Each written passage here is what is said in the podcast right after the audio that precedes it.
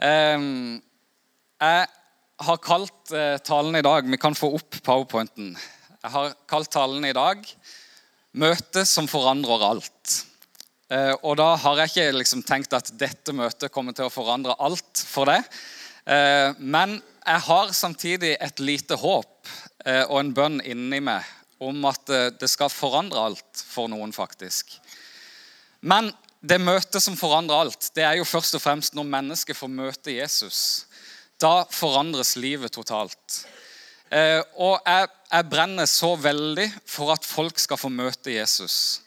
For det at Noen ganger så kan vi som kristne vi kan være litt sånn som disiplene. At istedenfor å lede folk til Jesus, så står vi i veien for at folk skal kunne se Jesus. Disiplene de tenkte at barna de trengte liksom ikke å møte Jesus. Han, de var liksom for små. Noen var for skitne, noen var for syndige. Og så står de i veien for folk istedenfor å være med og hjelpe dem fram til han som forandrer livet, han som forandrer alt. Og jeg tenker at Det er så vanvittig viktig at det er dette menigheten handler om. Det er dette det handler om når vi kommer sammen. Det er å møte Jesus. For det, det forandrer alt. Det gir liv, det gir styrke, det gir tro. Eh, det gir håp, og det gjør at vi blir automatisk lys i verden og i samfunnet der vi lever. Så vi trenger, vi trenger å lede folk inn til Jesus, inn i Guds nærhet, sånn at de får et ekte, oppriktig møte med Han. Vi kan ta neste bilde. For jeg blir litt sånn oppgitt noen ganger Eh, når vi i vår menighet og når vi liksom på landsplan prater litt sånn der om, om hva er viktig for å få liksom vekst i menighetene våre, så kan vi noen ganger prate om alt mulig annet av metode og ting og tang. Eh, og Jeg har tatt dette bildet for eh, jeg har jo to barn, som jeg har sagt. Eh, og når de var litt mindre, da, så var det ofte sånn at en lekte gjemsel. Eh, og da var det jo sånn, De gjemte seg sånn som dette. Jeg så jo med en gang hvor de var. Det var jo ikke noe stress å si at du er oppi den korga. liksom. Noen ganger så satt de i sofaen med noen puder foran seg, og med en gang du kommer inn i rommet, så ser du ja, du sitter der. Men så går du liksom rundt og leter bak gitaren og kikker alle andre steder. liksom, 'Hvor er Konrad Elias? Jeg kan ikke se han. Jeg har ikke peiling. liksom, Er han vekke? Har han gått ut? liksom? Og så sitter han der i sofaen og holder på å lese i liksom. Men jeg føler noen ganger at det er sånn vi holder på å prate om det med menighetsvekst. At vi tror vi, vi, Det er akkurat som at vi er blinde for, for det det egentlig handler om. Svaret ligger jo rett der under puta så går vi rundt liksom og leter og forsøker å finne ut av ting og tang. Men så er det egentlig så enkelt. Vi må bare åpne øynene for det viktigste av det viktige. Det sentrale, evangeliet. Folk trenger å få møte Jesus Kristus. Og det trenger vi virkelig å løfte opp. Folk trenger et møte med Jesus. Folk trenger å bli fylt av Den hellige ånd. For det forandrer livet. Det gjør den store forskjellen. Og jeg vet at i min menighet i Kristiansand, vår menighet i Kristiansand, så er det jo det som er Når en begynner å prate med folk, hva er det liksom som, som gjorde at du ble en kristen? Hva er det som forandra greia for deg? Jo, det er jo dette møtet med Jesus som en fikk på det og det tidspunktet. Når Jesus kom inn i livet, når en fikk oppleve at det var sant, dette en hadde hørt om i oppveksten, at han berørte hjertet. Han, han var virkelig, Det var ikke bare ord. Det er det som liksom fortsatt sitter der. Og så er det det Bibelen sier, at eh, vi skal leve i dette, denne relasjonen, dette vennskapet. Det skal ikke bare være et møte som skjedde i 1814, men vi skal leve i en relasjon med Gud gjennom hele livet. Vi skal leve i dette. Vi skal liksom daglig møte Jesus. Daglig sitte ned og prate med han. Oppleve at hans ord inspirerer oss, gir oss mat. Daglig så skal vi leve i dette forholdet. Eh, og det er, en, eh, det er en fyr som heter Ravi Zakarias, som er en apologet som eh, driver med trosforsvar. Og Han stilte et spørsmål for en stund tilbake. Han sa hvordan skal vi nå dagens generasjon som vokser opp? En generasjon som, som hører med øynene, og som tenker med følelsene, sier han. Og det er egentlig veldig godt sagt. Det, det er sånn vår generasjon som vokser opp nå, lever. Det, det nytter ikke å liksom bare diskutere teoretisk med dem. Men du må vise handling, og de må få oppleve og erfare. Så Ravi Zakaria, som egentlig er liksom en teoretiker som, som, jobber med å overbevise folk eh, med, med, å bruke kunnskapen, med å bruke forstanden, med å bruke bevis, han sier at det holder ikke lenger. Men folk må få se Jesusliv i, praksis, kristenliv i praksis. Og de må få erfare at det er sant. De må oppleve og føle det, at det er sant. Og det, det tror jeg jo veldig på. At det nytter ikke bare med store ord. Det nytter ikke bare med, med flotte læresetninger, med teori. Men vi må vise det i livene våre som vi lever, at Jesus lever.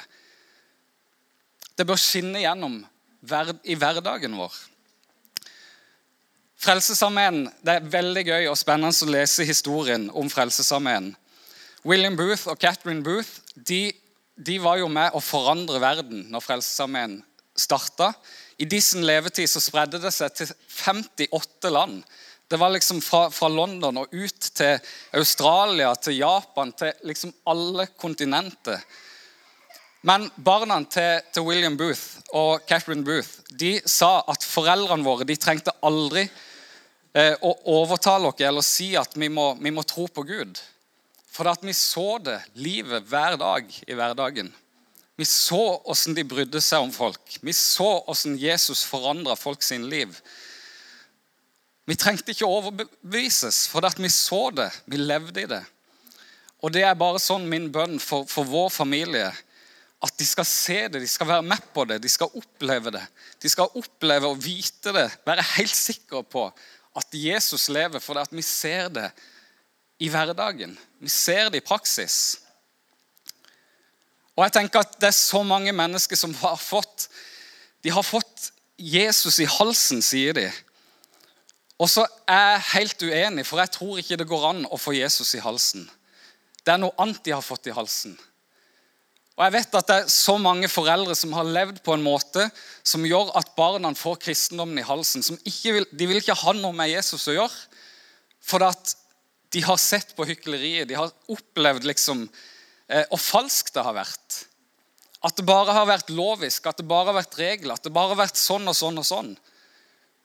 Men det er ikke Jesus. Det er ikke han du har fått i halsen.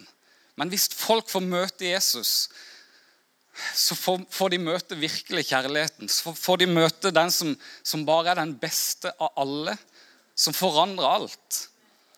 Så vi må få rydde unna alt det andre søpla og så må Jesus få lov til å skinne klart og tydelig gjennom våre liv og gjennom våre forsamlinger. Og jeg tenker at Noen ganger så er det så hårfin balanse òg. Eh, jeg skal være litt personlig. For, for eh, et par år, tre år tilbake så ble jeg invitert til å tale i en menighet i Oslo. Og jeg er alltid sånn som blir nervøs før jeg skal tale. Når jeg skal her nå, så er det alltid sånn, Jeg, jeg gruer meg alltid, om, om, det er hjemme i min egen menighet òg. Jeg gruer meg alltid. Eh, og jeg grua meg til å tale der inne. Eh, og jeg jobba skikkelig med talen og, og, liksom tenkte at der er det liksom noe som er litt dypt, og der er det noe som er litt morsomt. Der kom de sikkert til å le litt. Og der, så var jeg liksom, jeg var fornøyd med, med åssen det kom til å bli. Og så kom Jesus bare med én setning til meg. Og det er ofte sånn når han kommer med én setning, så bare avslører det alt. Og den setninga var Tor Harald, Sørg for at det er meg de prater om etter møtet, ikke det. Og så kjente jeg bare at det traff noe så vanvittig. Og jeg tenker at mange ganger som leder òg, så, så, tror vi at det, det, det er oss det handler om. Og bra vi leverer. Og, men vi skal egentlig bare være med og løfte blikket på Jesus. La han bli synlig. Og så må vi passe på at vi trår til side og la han få skinne. Det er ikke vi som skal skinne, men han skal skinne. Folk skal få se han. Det er det som forandrer livet. Det er det som gjør susen. Nå i høst så Sorry, jeg tar fort til tårene. Men nå i høst så kom jeg på jobb en dag. Eh, og så satt det en, eh, en ung mann og venta på meg. Eh, og så har han vært i fengsel gjennom hele sommeren. Vært kriminell inn og ut av fengsel. Og så hadde han vært i en ulykke som gjorde at han, han fikk opp øynene litt og tenkte at nå må jeg enten forandre på livet, eller så går det galt. Og så hadde han prata om dette i fengselet. Og, eller prata med, med, noen av de som jobba i fengselet. Og Da hadde de sagt at da, hvis du er seriøs om dette, så bør du ta turen ut til Q42 når du er kommet ut. Og det gjorde han. Så første dagen som han slapp ut, så satt han og venta på meg eh, i eh, kontorlandskapet. Og så er det bare en, en uh, mann som har hatt masse vanskeligheter, masse tøft, masse avhengigheter. Og så, eh, så, vil han kobles på, så han blir med på en samtale, han blir med på noe møte. Tar imot Jesus etter uh, to dager. Uka etter så døper han seg. Uka etter det så begynner han på bibelskolen vår. Og nå å bare se den forandringa som, som, Jesus kan gjøre i et menneskes liv, det, det er bare sånn en aldri blir lei av å se. For at han kan snu alle ting opp ned. Folk som liksom bare har vært trøbbel og vanskelige, og samfunnet har slitt med liksom å følge opp.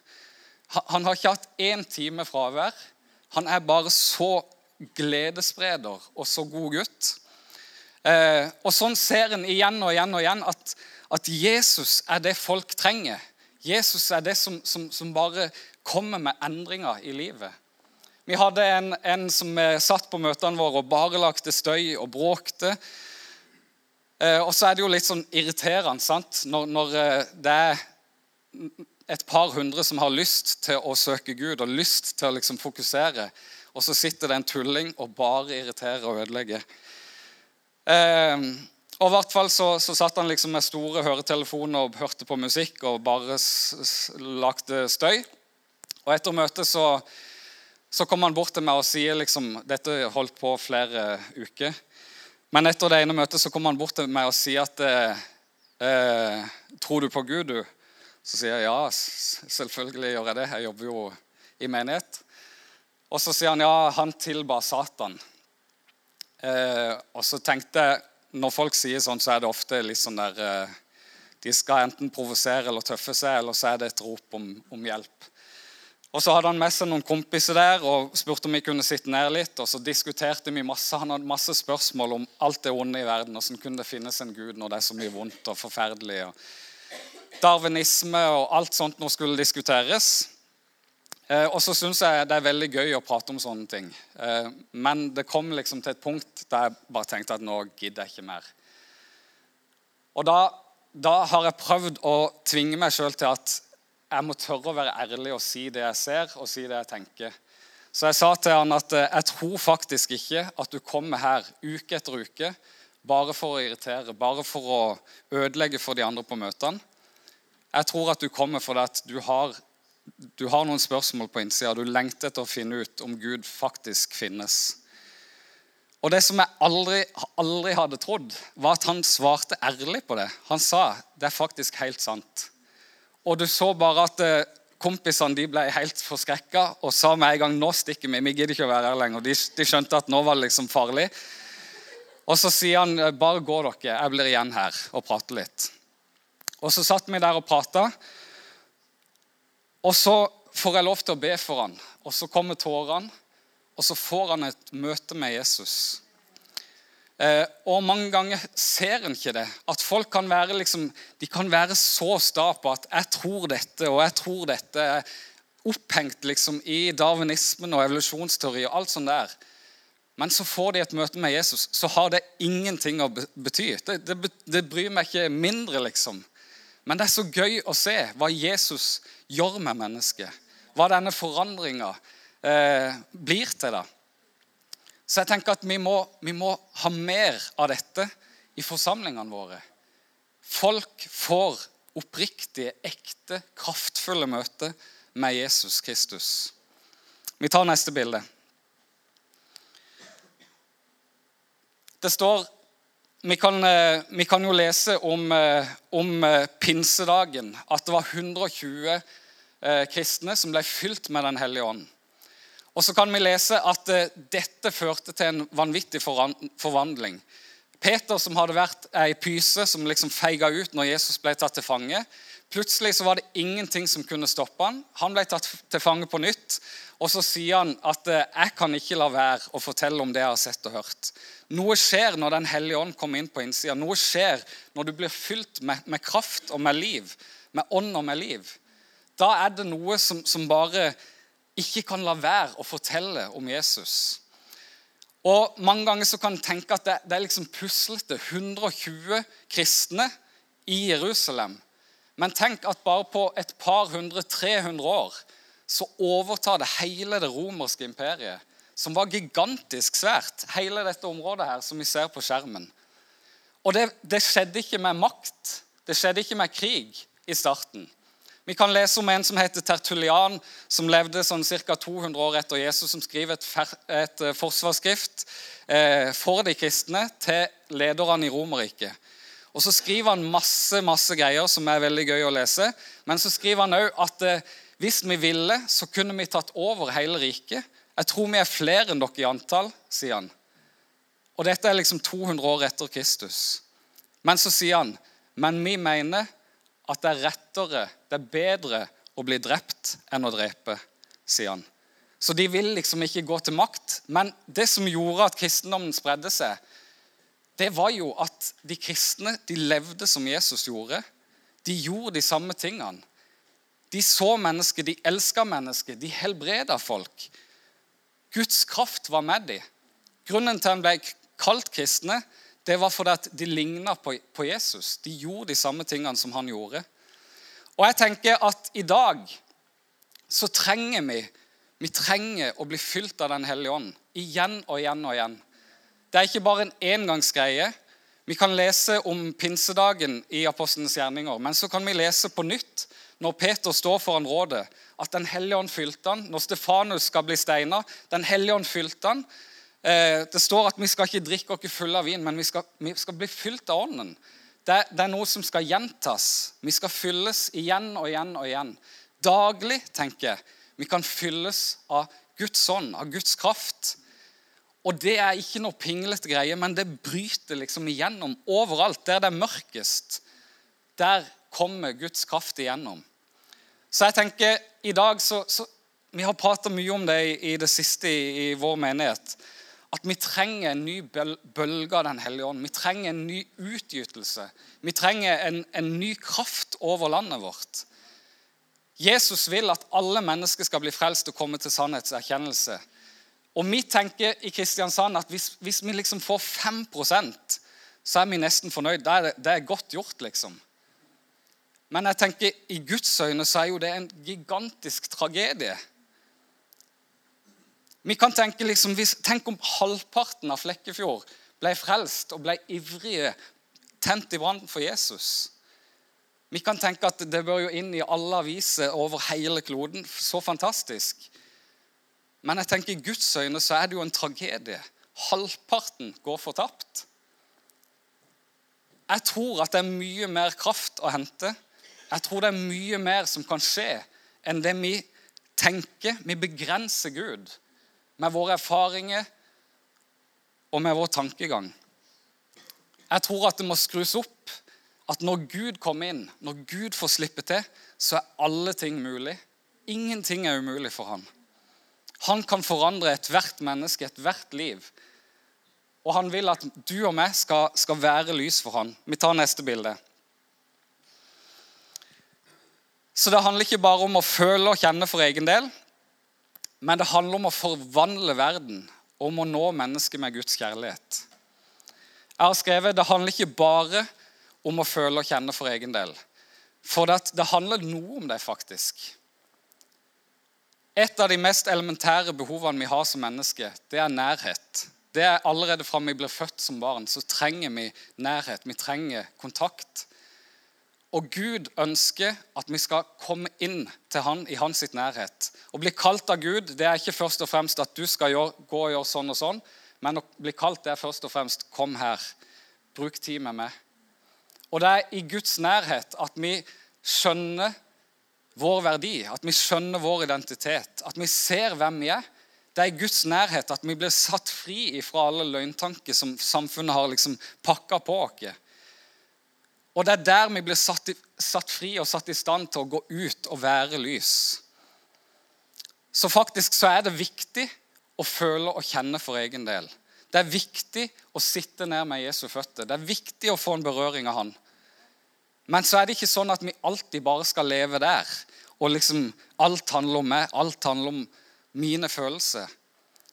Men vi blir berørt for å gå ut og berøre. Vi blir forvandla for å gå ut og forvandle.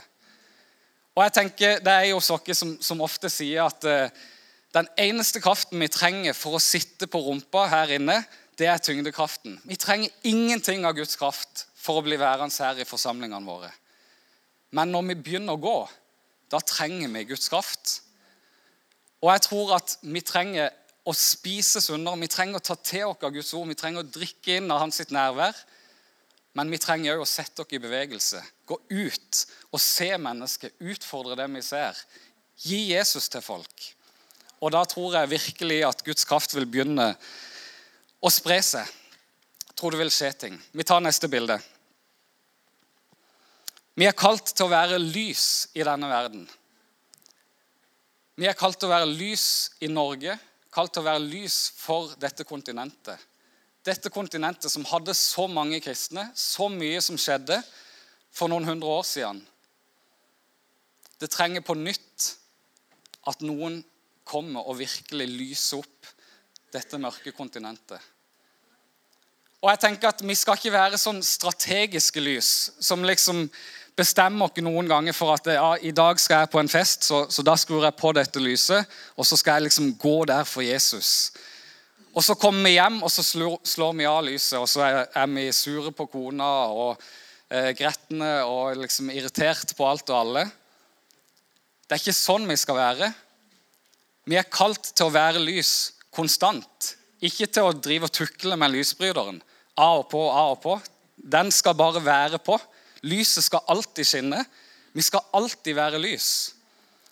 Så det handler liksom, Hvis den skal være strategiske lys, så handler det ikke om når vi skal lyse og når vi skal være A, liksom. Men da handler det mer om hvor skal vi lyse. Og jeg tror at Noen ganger så tenker vi at det, det er her inne vi skal skinne. Og så kappes vi, eller Det er liksom konkurranse om hvem som kan skinne mest inne i menighetslokalene våre. Og så er det liksom en hel verden ute i mørket der lysene skulle vært. Vi trenger å gå ut og være lys. Gå ut og være salt. Vi trenger å lyse i det mørkeste av det mørke. Og der trenger vi òg å vite at det er ingenting som kan overvinne det lyset som vi har. Det er ingenting som kan overvinne Jesus. Ingenting som kan overvinne hans kraft. Så jeg tenker at vi trenger enda mer å bli fylt av Den hellige ånd, bli istandsatt, bli fylt med frimodighet. Ikke for oss sjøl, bare for egen del, men for alle de menneskene som trenger å se hvem han er. Alle de menneskene som lever i mørket. Jeg vet at det skjer noe med meg når jeg får et møte med Jesus. Jeg vet at jeg blir en bedre pappa når jeg har vært sammen med Jesus. Jeg blir en bedre mann når jeg har vært sammen med Jesus. Noen ganger så sier Camilla, kona mi, til meg at nå må du bruke litt tid med Jesus. Og da skjønner jeg at uh, hun er ikke fornøyd med oss. Og, og, noen ganger så er det irriterende, så jeg kan si 'klapp igjen, gå og være med Jesus', du. Men jeg, jeg, vet at, uh, jeg vet at det er sant. Jeg vet at det forandrer meg. Det gjør at jeg oppfører meg annerledes. Når jeg har vært sammen med Jesus, så er det akkurat som at det er en velduft. sant? Du blir god, du blir mildere. Du ber om tilgivelse, du legger deg flat. Du får unna det som er, er rusk og skittent. Og jeg tenker at Vi trenger å leve der, oppriktig og ærlig liv. Vi må være til stede. Ikke bare la, la bitterhet sette seg, og la liksom tvil sette seg, og la alt dette her som, som bare fester seg fast til oss, få lov til å være der over lang tid. Det skal bort. Og så skal Jesus få lov til å være herre over våre liv. Så skal vi skinne for omgivelsene våre. Folk trenger å møte Jesus. Folk trenger å se hvem han er. Og han vil bruke meg og det Vi må la han få slippe til. Vi tar neste bilde. Så tenker jeg Noen ganger så, så ber vi liksom om å bli fylt av Den hellige ånd. Vi ber om noen dråper noen ganger. Tenker Gud, hvis jeg bare får en liten berøring, hvis du bare gir meg bitte, bitte grann. Men tenk hvor mye han har å gi. Det er, liksom, det er bare mengde på mengde. Og han lengter mye mer etter å fylle dere, istandsette dere, være med dere. Ut på eventyr, ut og møte mennesker. Han lengter mye mer etter det enn vi gjør. Han er ikke sein å be. Men vi vil liksom ofte ha, ha liksom alt på plass, liksom. Sikkerhet på plass før vi tar stegene. Men vi må, vi må ha denne forventninga til at når jeg går, når jeg har bedt, når jeg har brukt min tid sammen med han, og når jeg går på det, så er han med, så skjer det ting. Så blir liv forvandla. Jeg har noen ganger hørt folk, for, for vi kaller oss en eh, bønnemenighet i Kristiansand.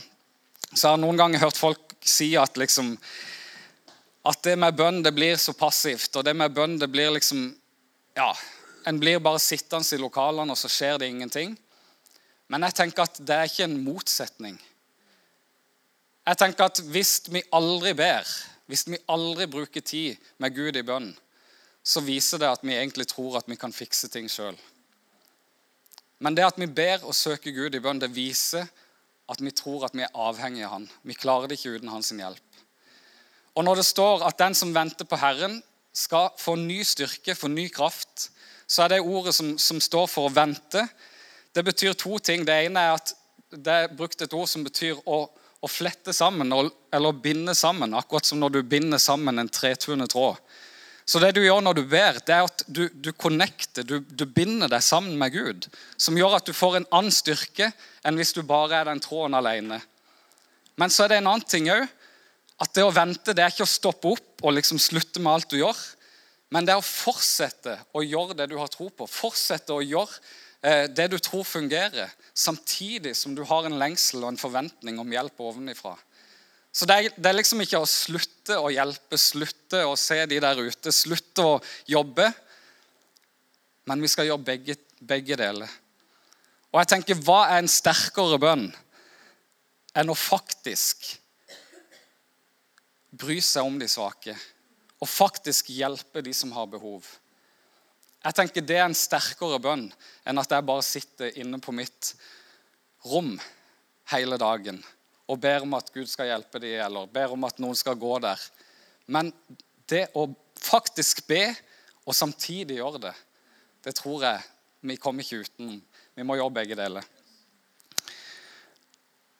Jeg tror vi tar eh, siste bilde som jeg har med her. Trykk ett hakk til, så kommer det opp noe tekst òg. Hvis, hvis det funker sånn.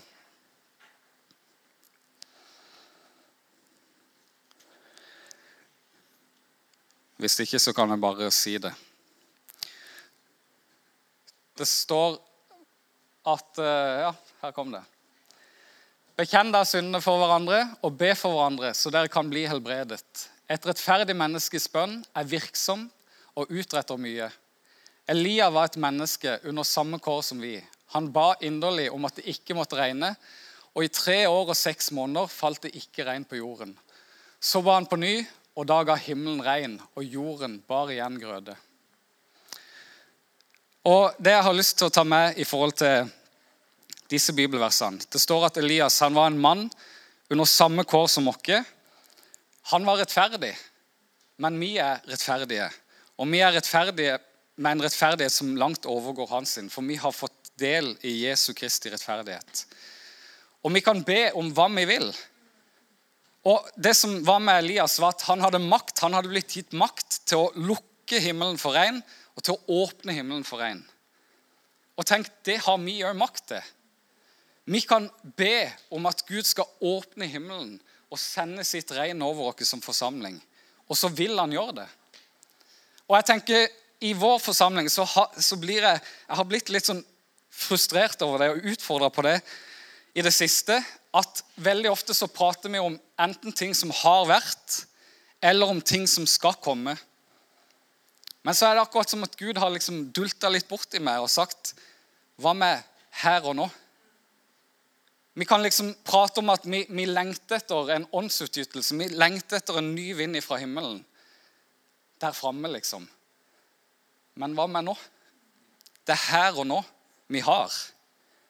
Og jeg tenker at det gjør noe med forventningene mine når Gud begynner å si Ja, men hvorfor kan jeg ikke røre med deg nå? Hvorfor må du liksom, liksom tenke at det kommer en gang der framme? Jeg kan gjøre noe i dag. Jeg kan forandre noe. Jeg kan inspirere. Jeg kan løfte deg i dag. Og jeg tror at det er så mange mennesker som trenger nye berøring av Gud.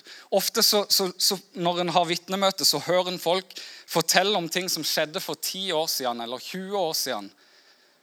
Men jeg tenker noen ganger ja, men har ikke Gud gjort noe nytt siden da? Denne historien har jeg jo hørt mange, mange ganger. Og Det står en, en uh, historie om israelsfolket som, som levde i ørkenen og at Gud ga dem overnaturlig mat hver eneste dag. De fikk manna fra himmelen. Og Sånn tror jeg Gud vil at vi skal leve. At hver dag så har vi noe nytt, noe friskt. Noe som vi kan spise, som, som gir oss næring for denne dagen. Du skal ikke leve på gammel mat. Det står at hvis de samla sammen noe fra, fra gårsdagen, så gikk det makk i det. De kunne ikke bruke det. Men i dag så har Gud en berøring for det. I dag så har Gud et bibelvers for deg. I dag har Gud styrke for deg.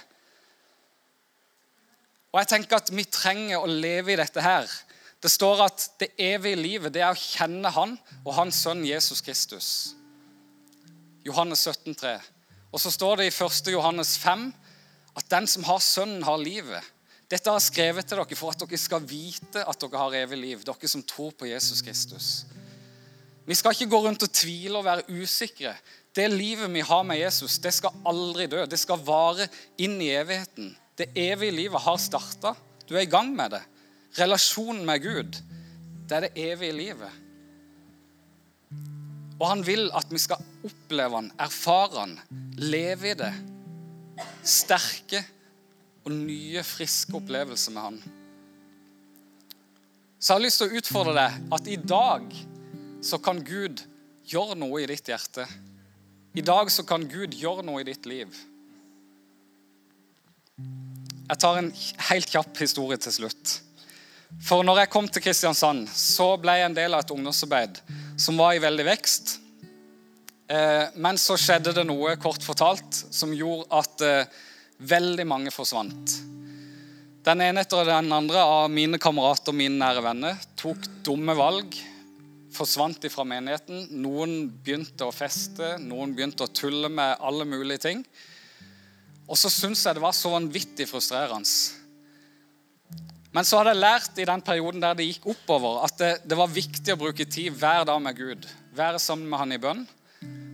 Men så hadde jeg mer og mer kommet inn i en sånn regle. Så jeg ba liksom hver dag, brukte tid med Gud hver dag. Men det var liksom litt sånn på overflaten. og jeg, jeg ba de tingene som jeg trodde han ville høre som var sånn korrekt. Jeg var egentlig kjempefrustrert. Men så sa jeg ja, Gud, du er så god. Takk for at liksom, du er med, og takk for at det, det blir bra etter hvert. Og sånn der. Og så husker jeg helt konkret at Gud stoppa meg i det jeg ba, og sa Tor Harald, slutt å be. Gi meg hjertet ditt. Vær ærlig. Og så ble det et før og et etter for meg. Jeg begynte å si til Gud jeg kan ikke skjønne at du tillater dette. Jeg kan ikke skjønne Folk kommer her uke etter uke og roper etter det. Ber om at du skal forandre, ber om at du skal gjøre noe i livene sine. Og så gjør du ingenting. Du sitter bare og ser på. Og så, De tingene hadde jeg aldri trodd jeg kunne si til Gud.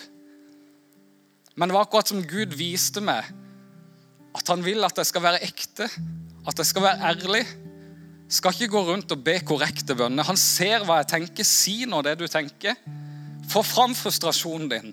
For det er det som får fram forandringa. At dette her aksepterer vi ikke lenger. Du kan ha gått og dulla med ditt eget liv liksom, og ikke ta tak i det lenge. Men Gud vil at du skal reagere. Si at nok er nok. Sånn her skal jeg ikke ha det lenger. Jeg vet at du kan forandre Gud. Gjør det nå. Jeg vil se en forandring nå. Og så viste Gud meg et bibelvers som har blitt et av mine yndlingsvers. Det står i Salmos ordspråk 332 at en falsk mann er en styggedom for Herren, men med de oppriktige så har han fortrolig samfunn. Og det er i dette fortrolige samfunnet vi skal leve alle sammen. Det er i dette fortrolige, ekte og nære samfunnet med Jesus alt skal flyte ut av. Da blir vi lys.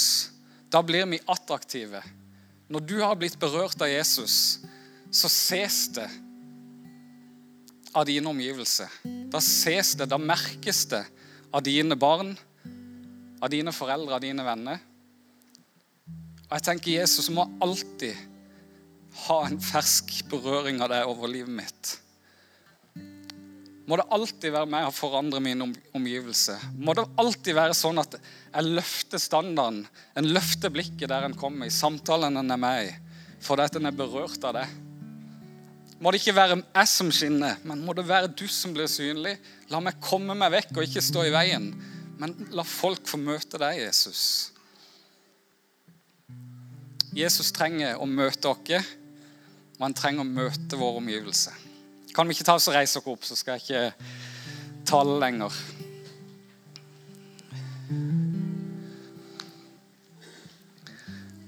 Men jeg tror at Gud han lengter etter å berøre det. Han lengter etter å fylle det. Kanskje du har følt at du har levd i en ørken. Du har levd i et tørt landskap lenge. Jeg tror Gud sier at nå er det på tide å drikke. Nå er det på tide å åpne opp og ta imot det jeg har å gi. Kanskje du liksom unngår å ta imot det pga. fordømmelse eller ting som har skjedd i livet ditt. Vi trenger alle nåde. Vi trenger alle tilgivelse. Vi trenger alle en ny start. Ikke la de tingene ødelegge, men bare bekjenn og si ut din lengsel til Jesus. Vær ærlig, vær oppriktig. Og så vil han fylle det dypeste av det dype i det. Det er ikke sånn at alt forsvinner av problemet selv om en får en berøring av Gud. Tro er ikke for at vi skal liksom hoppe bukk over smerte, men tro er gitt dere for at vi skal kunne klare å gå gjennom det vanskelige. Og jeg tror aldri jeg har sett så sterk tro noen gang som når jeg er sammen med folk som er på det siste, som er rett før døden, liksom. Men så holder troa di oppe. Så blir jeg så stolt av Jesus. For det er ikke noe pinglete og svakt. Men han er virkelig styrke og kraft inn der det trengs kan vi ikke lukke øynene nå. Så hvis du trenger en berøring av Jesus, hvis du lengter etter mer av han, så kan du bare løfte opp hånda. Så har jeg lyst til å ta deg med i en bønn. Vær frimodige.